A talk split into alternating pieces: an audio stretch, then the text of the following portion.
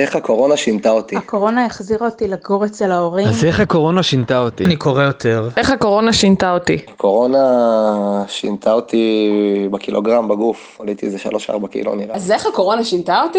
אז איך הקורונה שינתה איך אותי? הקורונה שינתה אותי? אני חושב שלא כל כך הערכנו ועכשיו אנחנו נעריך יותר. היא הביאה הרבה רוגע. הפכתי להיות אה, מתבגרת. אז איך הקורונה אני שינתה קורא אותי? יותר. אני חושב שלא כל כך הערכנו ועכשיו אנחנו שינתה יותר. אותי בקילוגרם בגוף, עליתי איזה 3-4 היא הביאה הרבה רוגע. איך הקורונה שינתה אותי? איך הקורונה שינתה אותי. אתם מאזינים לפודקאסט של סדנה משדרת שנה ג' רדיו כל הנגב. בצל קורונה.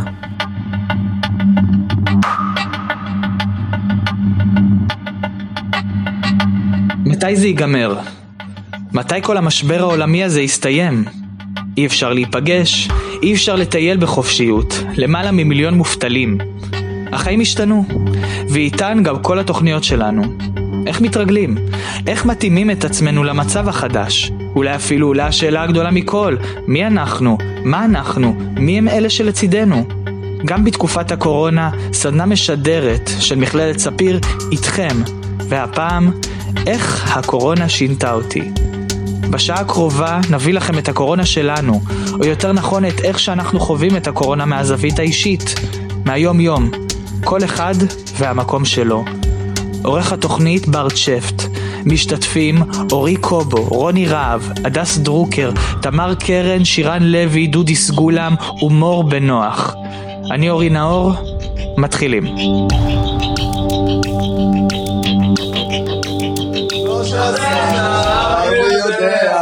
שלושה עשר, אני יודע,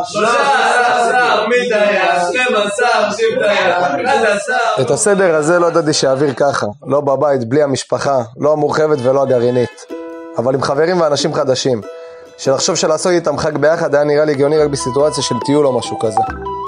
אז בדיוק אתמול סגרתי חודש אצל חברים שלי ביפו, שאיתם אני מתגורר עקב הקורונה המבאסת הזאת. לחזור להורים לא הייתה אופציה, בגלל שהם בקבוצת סיכון כפולה, עקב גילם ומחלות רקע שלהם. דם, צפרדע, קינים, ארוך, דבר, שחיל, ברד, הרבה, חושך, מכת והמכה ה-11, קורונה. אשקר אם אני אגיד שאני לא מעביר את הזמן בנעימים עם חבריי, ותכלס, לא יכולתי לבקש יותר טוב מלהעביר את התקופה הזאת עם חברים, מאשר להשתגע בבית עם ההורים. אבל רבאק, מה עם השאר? הלימודים מרחוק לסטודנט טכנופוב כמוני לא עושה טוב. שלא נדבר על המשמעת העצמית שצריך בימים אלו כדי לשבת ללמוד, וחברים אחרים שלא ראיתי. ואין לי חברה, אבל אפילו לצאת לדייט אי אפשר, לקבל חיבוק, נשיקה, ללכת לעשות כושר נהיה בעייתי, אוכל נכנס לפה בכמויות, ועליתי כבר כמה קילו. כן, יש גם פלוסים בקורונה. יש לנו יותר זמן לעצמנו ולהגיע לתובנות בחיינו, לחשב מסלול מחדש, ולשאול מה אנחנו באמת רוצים. מה עושה לנו טוב ומה פחות. מה מרגיע אותנו ונותן לנו שלווה, ומה עושה את ההפך. אך בין כל הדברים האלו, אנו מבינים שהדברים החשובים באמת לא נקנים בכסף. המשפחה שלנו, הבריאות שלנו, הסובבים לנו.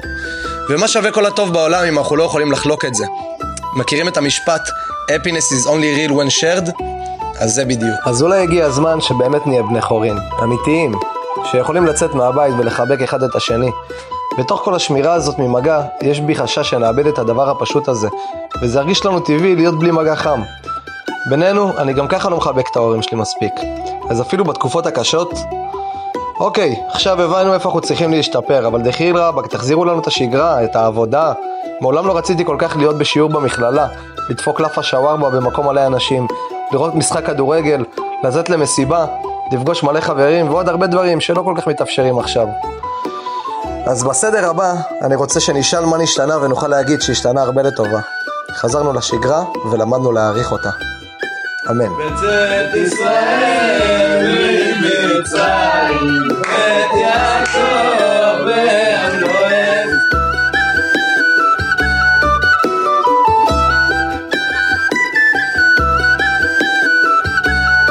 היה אורי קובו עם הבידוד שלו, אותו הוא מעביר עם חברים קרובים. תמר קרן חווה גם היא את הבידוד הרחק ממשפחתה הקרובה. בניגוד לאורי קובו, תמר החליטה להישאר לבד לחלוטין בדירתה הקטנה שבגבים, הסמוכה למכללת ספיר. היא מכינה את הקפה שלה בבוקר, עושה תשחצים, ומעבירה את הזמן עם החברות בשיחות זום וטלפון. אבל מה קורה כאשר המחשבות מתחילות לצוף והחרדות עולות? מה קורה כאשר מה שצריכים עכשיו זה אך ורק חיבוק גדול, מאמא או אבא? הבדידות היא לא דבר קל, אך מלמדת הרבה. הנה.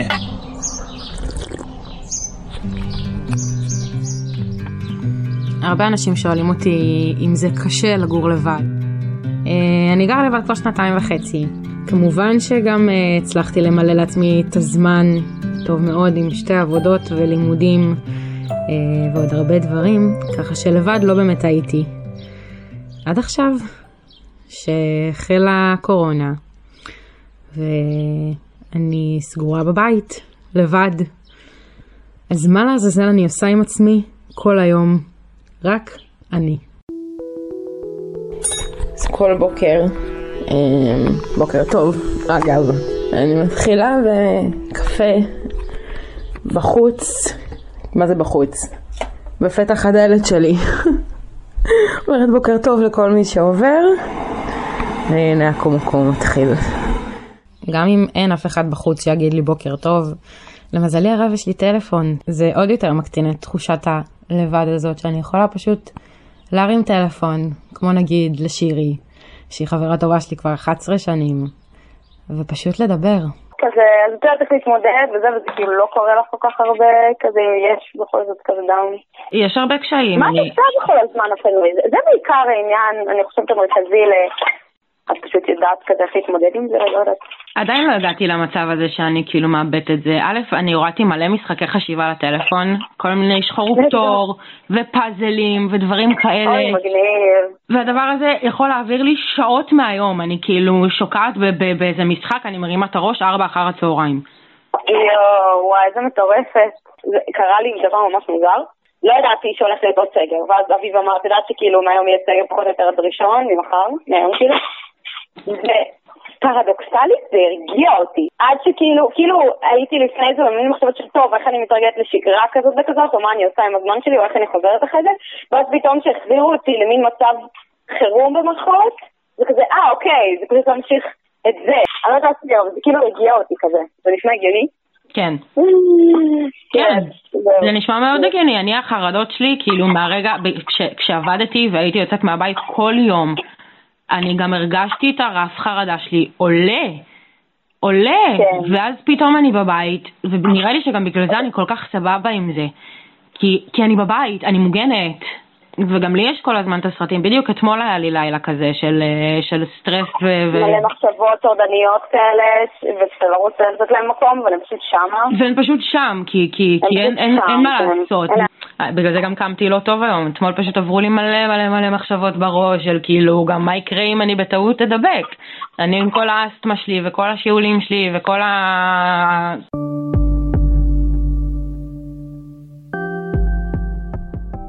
יום כזה. כל החרדות שלי התחילו לעלות. בסדר, אני יודעת להתמודד איתן, אבל כל כך הרבה קל להתמודד איתן עם חיבוק ליד. ואני כל כך מרגישה את החוסר הזה של החיבוק, באמת לא חיבקו אותי כבר חודשיים. בא לי חיבוק, בא לי חיבוק גדול כזה שאומר שהכל יהיה בסדר.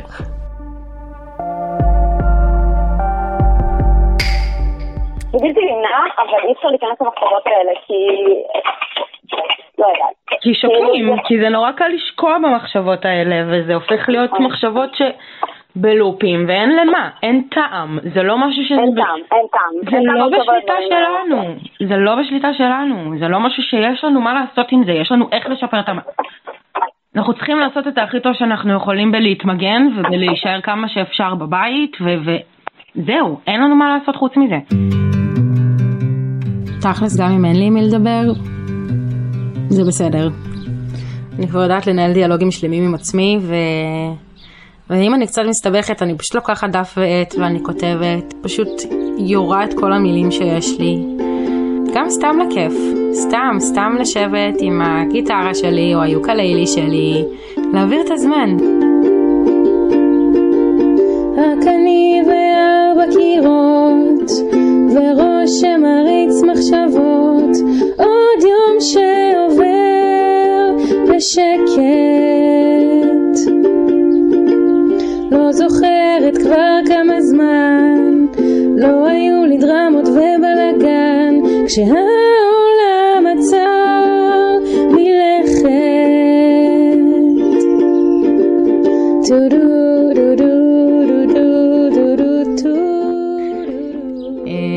אה, לבד כבר שנתיים וחצי, ועד כה בעיניי זה נפלא. אה, כמובן שיש רגעים קשים, וכמובן שיש גם אה, הרבה בדידות, אבל אני חושבת שהכי הרבה למדתי על עצמי בתקופה הזאת שאני גרה לבד ומתמודדת עם עצמי לבד. רק אני וארבע קירות, כמה ומכאן אנחנו קופצים לאחד הדברים האהובים והחשובים לכולנו.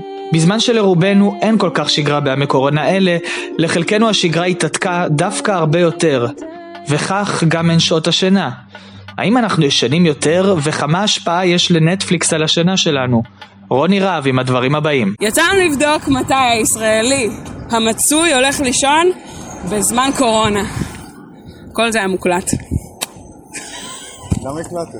בשביל שיהיה לי אינסרטים לכתבה. אז ככה באמת הכל התחיל. אני כבר כמה שבועות מתנהלת לתומי בעולם שכולו קורונה. עד שיום אחד הגיח לו מבין שאריות הג'אנק שאכלתי, ויתר הזמן הפנוי, איש אחד. הוא נגלה אליי עם טענות שחשבתי שהן די חריגות.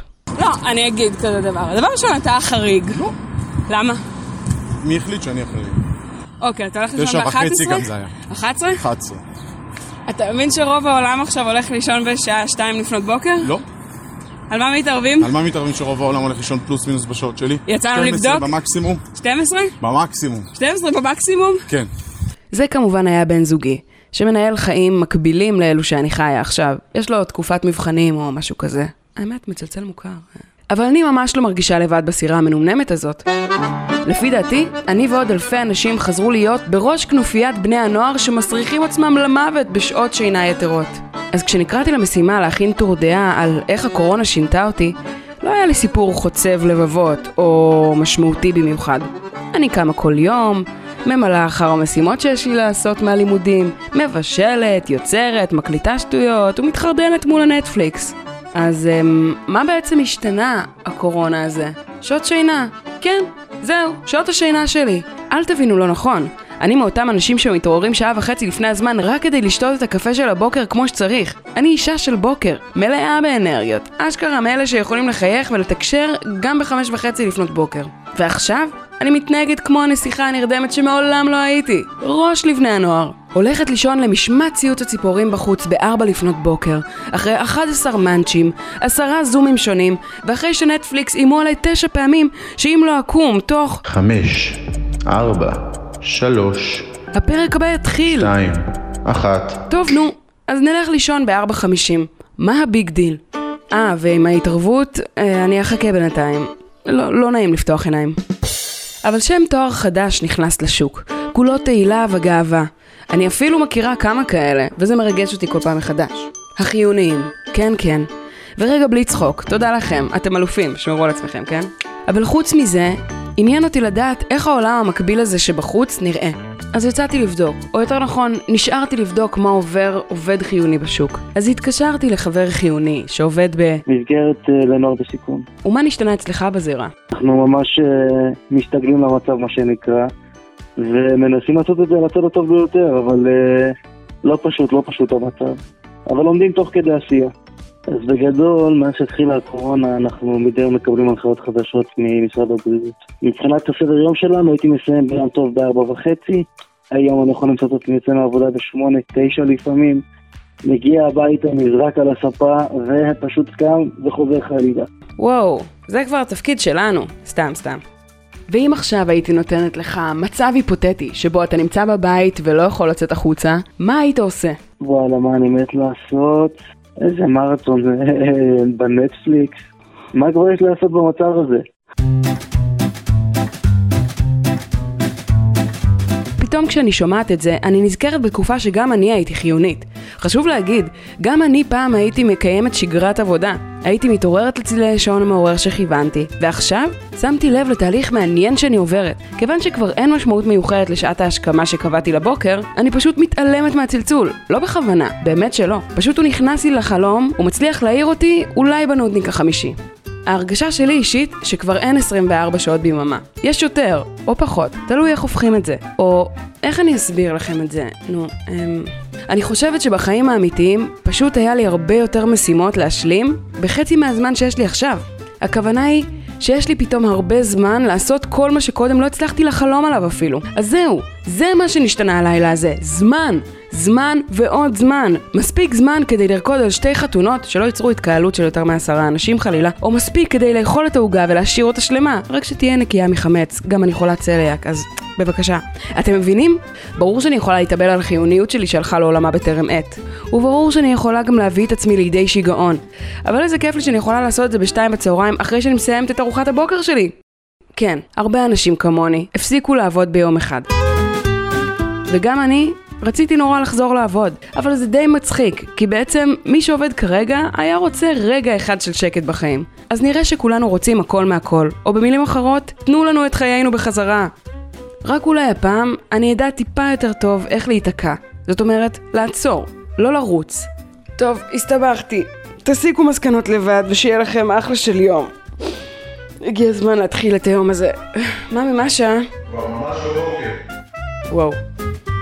מרשים. ועכשיו אנחנו ממשיכים עם שירן לוי, שגילתה על עצמה שלמעשה ניתן לעשות כמעט כל דבר מהבית, כמו למשל להמשיך לעבוד ואפילו כמעט באותה תדירות, על הקשיים, היתרונות והחסרונות, בקטע הבא. אני מעבירה לערוץ 12 ולערוץ 13. אני אזכיר לך אחרי שאמרתי לי, ואמרתי לו. סגור. אז אה, טוב, נשב בארבע אם את רוצה, אפשר גם לשבת לפני קצת, אה, שנינו אולי להכין את הדברים עד שאור יצטרף. זהו, נראה לי שאני אסיים איזה משהו, אה, ואני אדבר איתך שנבנה לפחות את השלט של התוכנית עבודה.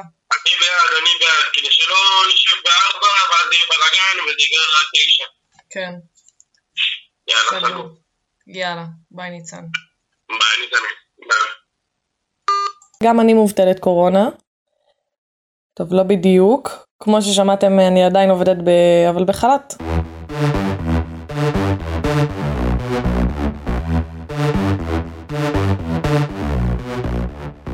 השגרה החדשה בצל הקורונה לא כל כך מאפשרת לעמותות חברתיות להוריד את הרגל מהגז. אני לא אספר לכם עכשיו אה, על כמה אנחנו עושים, אבל אה, בואו נגיד שבלי המתנדבים והמתנדבות שלנו, סביר להניח שכמה מאות אזרחים ותיקים אה, בכל רחבי הארץ לא היו מקבלים אה, תרופות וסלי מזון. את כל היופי הזה, האגף שאני מנהלת צריך לשווק, וגם להכין את העמותה לשנה הבאה, ככה שאני חייבת להמשיך לעבוד.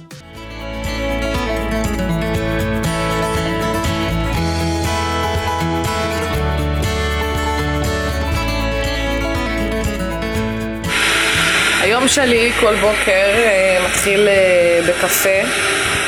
אני עושה אחלה של קפה, והמזל שלי זה שאני גרה ממש אה, בנוף מדברי, בכפר סטודנטים, מה שמאפשר לי גם קצת לראות ציוויליזציה, כי זה אנשים כביכול שאני פוגשת על בסיס יומי, וגם הם בעצמם אה, לא נחשפים ולא... בוא נגיד שאנחנו תקועים ככה ביחד, אה, הנה, המים מוכנים לקפה. אז כל בוקר אני פותחת uh, בטיול עם הכלבה שלנו, אלזה, שזה ידוע שכלב uh, זה אחלה של תירוץ קצת לנשום אוויר צח. אלזה! אלזה בואי! בואי הביתה! בתכלס עד עכשיו לא תיארתי כל כך משהו שהשתנה, אבל uh, רק בשביל שתבינו מה באמת השתנה, בממוצע אני נוכחת בבית שלי בשגרה ממש כמה שעות, לא כולל שינה כמובן.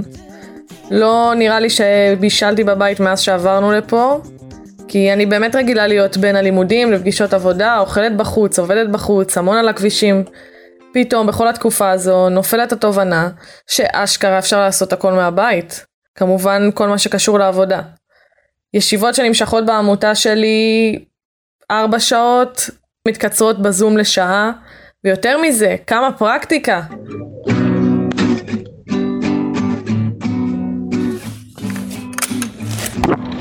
מה קורה? את הרגע הזה אתה לקחת ברצינות מדי עזבת בוקר אחד טוב, אז uh, בדיוק uh, חברים נחתו פה בגינה, חברים uh, מהכפר. Uh, תפסו את הגיטרה שלי והתחילו לנגן. כנראה שהבן זוג שלי קרא להם בזמן שלא הייתי מפוקסת כי הייתי בחדר עבודה שלנו. אז אני מתארגנת uh, מהר ויושבת איתם, כמובן uh, לפי ההנחיות המקובלות.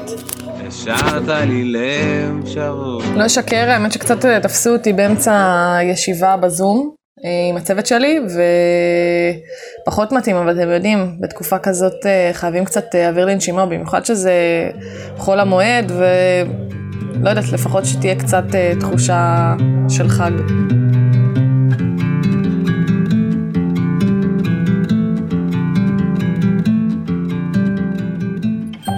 אני באמת מרגישה שלעבודה מהבית, השיטה הזו שנכפתה עלינו בגלל נגיף קורונה, יש יתרונות ויש חסרונות, כמו כל דבר בחיים. מצד אחד העבודה יותר פרודוקטיבית, אבל מצד שני, לפעמים בגלל פיתויים שיש בבית, כמו בינג'ים כאלה ואחרים, קשה להושיב את עצמנו ולעבוד ברצף. אין לי ספק שמתישהו, יום אחד שהמשק יחזור לשגרה, יפלו למנהלים וגם לעובדים שלהם הרבה תובנות, שיעשו, אני מאמינה, יותר טוב. למדנו כבר איך לעבוד בצוות מהבית, ואפילו להתגבש אפשר בזום, וכמו כל תחום בחיים, צריך לדעת איך לעשות מהלימונים לימונדה, ולהסתגל. ועכשיו למשהו אחר. בעוד שהשגרה והחיים ממשיכים, אנו נתקלים בימים אלו בסיטואציות ובמקרים מורכבים, קשים ואף עצובים מאוד. דודי סגולה איבד את סבו שמוליק לאחר שחלה בסרטן. דודי ומשפחתו נאלצו להתמודד עם האובדן הגדול בצל הקורונה. הבשורה המרה, הלוויה, המחסור במגע עם המשפחה, הכל הפך לקשה הרבה יותר, לעוצמתי יותר. ביום ראשון, חמישה באפריל 2020, סבא שלי מת מסרטן.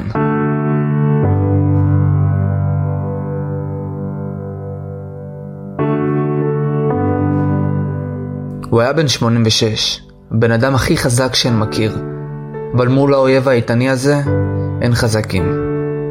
הסיטואציה נהפכה קשה יותר בגלל שאנחנו חיים בצל הקורונה, וכך גם הייתה ההלוויה. עמדנו רחוקים במרחק של לפחות שני מטרים אחד מהשני, אין אפשרות לחיבוק מנחם וגם כמות האנשים הייתה מוגבלת. אני זוכר שאני חיפשתי מבטים של אנשים, חיפשתי הבעות פנים. להרגיש קצת יותר אנושי, להרגיש שאני לא לבד שם. אני הסתכלתי על הנוכחים, אבל כל מה שראיתי אלה היו פרצופים מוחבאים מאחורי מסכות לבנות. כן, מה לעשות, זאת המציאות ואלו החוקים. קראו לנו בכריזה ואמרו לנו שהלוויה עומדת להתחיל. הרב עמד מולנו מכוסה גמור במסכה וכפפות, סבא שלי שוכב לצידו, והרב מתחיל את התפילה. הקביע בן מעלה ללומד מסתכל בשלושה דברים אין אתה בא לידי עבירה אדם מאין באת ולאן אתה הולך ולפני מי אתה עתיד ליתן דין וחשבון. והאין באת ולאן אתה הולך למקום עפר עמה ותולע. ואז פתאום אני קולט שאני בבית עלמין באמצע שיגעון הקורונה שמטלטל את חיינו ואני כאן להיפרד מסבא. אמא שלי הביאה לי את הטלפון שלה פתוח על שיחת וידאו עם אחותה. דודה שלי מניו יורק שבגלל המצב אפילו לא יכולה להיות נוכחת פיזית בפרידה מאבא שלה. הזוי ולא נתפס, שאני צריך להיות כמו העיניים שלה בהלוויה הזאת. אבל מצד שני, זה מה שהחזיק אותי באותו רגע. לפחות את הפנים שלה ראיתי מבעד למסך, בלי מסכה. המצב של הקורונה הפך את זה רק לקשה יותר ומוזר. אפילו יותר ממה שזה אמור להיות. המציאות הזאת שלא יכולנו אפילו להיות איתו לפני, כי הוא בקבוצת סיכון, רק גרמה לפרידה ממנו להיות לא קלה. בגלל שבימים האחרונים שלו אפילו לא יכולנו לראות אותו. ההלוויה נגמרה ואנחנו מתקדמים לכיוון היציאה. הראש שלי מלא במחשבות, אבל הגדולה מכולן הייתה שהגיע לו יותר. אבל הקורונה הגבילה ופגעה בפרידה ממנו.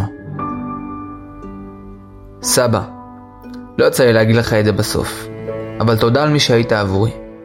וכן, אני יודע, התקופה מבאסת. אבל סבא, עכשיו התנ"ך, הכאבים חלפו ואתה לא דואג מהסרטן ובטח שלא מהקורונה. רק תבטיח לי דבר אחד סבא. תמשיך לשמור עלינו גם כשאתה לא פה. יש שם רבה מן שם היה חיים וצבא וישוע ולחבטה וחמה ושזבה ורפואה גאולה שיחת כפרה ורווח והצלה לנו ולכל עמו ישראל ואמו אמן שמולי קוגמן, ז"ל.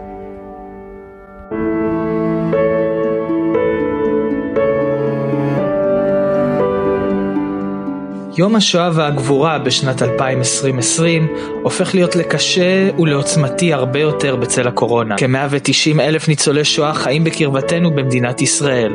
אותם ניצולים נאלצים בימים אלה להישאר בבידוד מוחלט מפני חשש שמא יידבקו בנגיף. ובכלל, הבידוד לגיל השלישי הוא אינו דבר של מה בכך. דווקא בגיל זה, כאשר אותם זקנים זקוקים לחיבוק חם ואוהב ולתמיכה של הקרובים שלהם, הם נאלצים לשמור על מרחק ולהיזהר ממגע אדם. אך בין המקרים הקשים, ניתן למצוא גם סיפורים מרגשים ומחממי לב. הנה אחד מהם, כתבתה של מור בן נוח. לאה הלוי מנדל היא בתו של אליהו מנדל, ניצול שואה בן 98. השנה בצל משבר הקורונה, יום הזיכרון לשואה ולגבורה ייראה קצת אחרת, לאור הנחיות משרד הבריאות שאוסרות על התקהלויות ומגע עם בני אדם. הנחיות הבידוד משפיעות מאוד על בני הגיל השלישי, שנותרים לבד בבית בימים אלו. לאה סיפרה לי על הקושי של אביה, שלמרות הכל מצליח לשמור על גישה אופטימית. אבא שלי, הוא מספר שזה קשה, והוא אדם שהיה רגיל יום יום לצאת לעמך ברחובות. יש שם פעילות ומופעים והרצאות ללא הפסק, וזה נתן לו המון, וזה החזיק אותו, זה נתן לו פעילות יומית מדהימה. וברור שחסר לו, אבל יחד עם זה הוא אומר, עברתי את השואה, אז הכל קטן עליי. ואנחנו רגילים שאבא שלי עושה זיכרון בסלון, גם אצל זרים וגם אצ, אצלי בבית בכל שנה, והפעם זה לא יצא לפועל, כי אי אפשר. למרות שזיכרון בסלון לא התקיים השנה בבית משפחת מנדל, לאה סיפרה לי על דרך מקסימה ומקורית שמצאו בני המשפחה כדי לחגוג לסבא יום הולדת. יום הולדת שחשב שיעביר לבד השנה. התכוננו לחגוג לו, כבר אה, שכרנו מקום, אבל אה, באה הקורונה הזאת ושיבשה לנו את כל הטקסים והרעיונות וההזמנות, אז ביום שהוא חגג את, אה, את יום הולדת של 98, הבת שלי, החתן שלי והנכד שלי הביאו אה, הגברת קול מתחת למרפסת שלו, וזה בניין של 25 קומות ברחובות. והם ניגנו לו ושרו יום הולדת שמח, ואז מכל המרפסות יצאו, יש שם 115 משפחות, ויצאו ושרו לו, וזהו. אז הם באו עם בלונים והמטפלת ירדה ולקחה את הבלונים ו... וככה עברנו את היום הולדת. אז בימים כאלו של ריחוק חברתי ובידוד מלא של האוכלוסייה המבוגרת בארץ, מקסים לראות שאנשים עדיין מצליחים לשמור על הנחיות משרד הבריאות, אבל גם על אנושיות ועל המורל של אותם אנשים. האנשים שלמענם כולנו נשארים בבתים. תודה רבה לכם.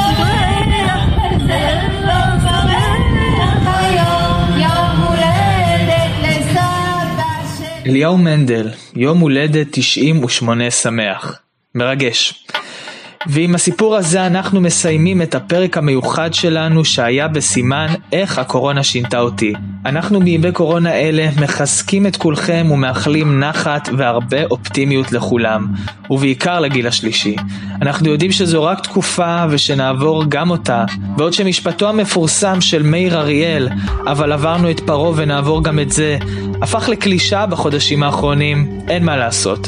הוא באמת נכון, נעבור גם את זה, נעבור גם את הקורונה. תודה לכל המשתתפים בשידור שהביאו את הסיפורים המרגשים ושיתפו מחייהם האישיים. תודה לעורך ברט שפט ולמרצה שמובילה אותנו בסמסטר זה, ענבל גזית. אני אורי נאור, להתראות.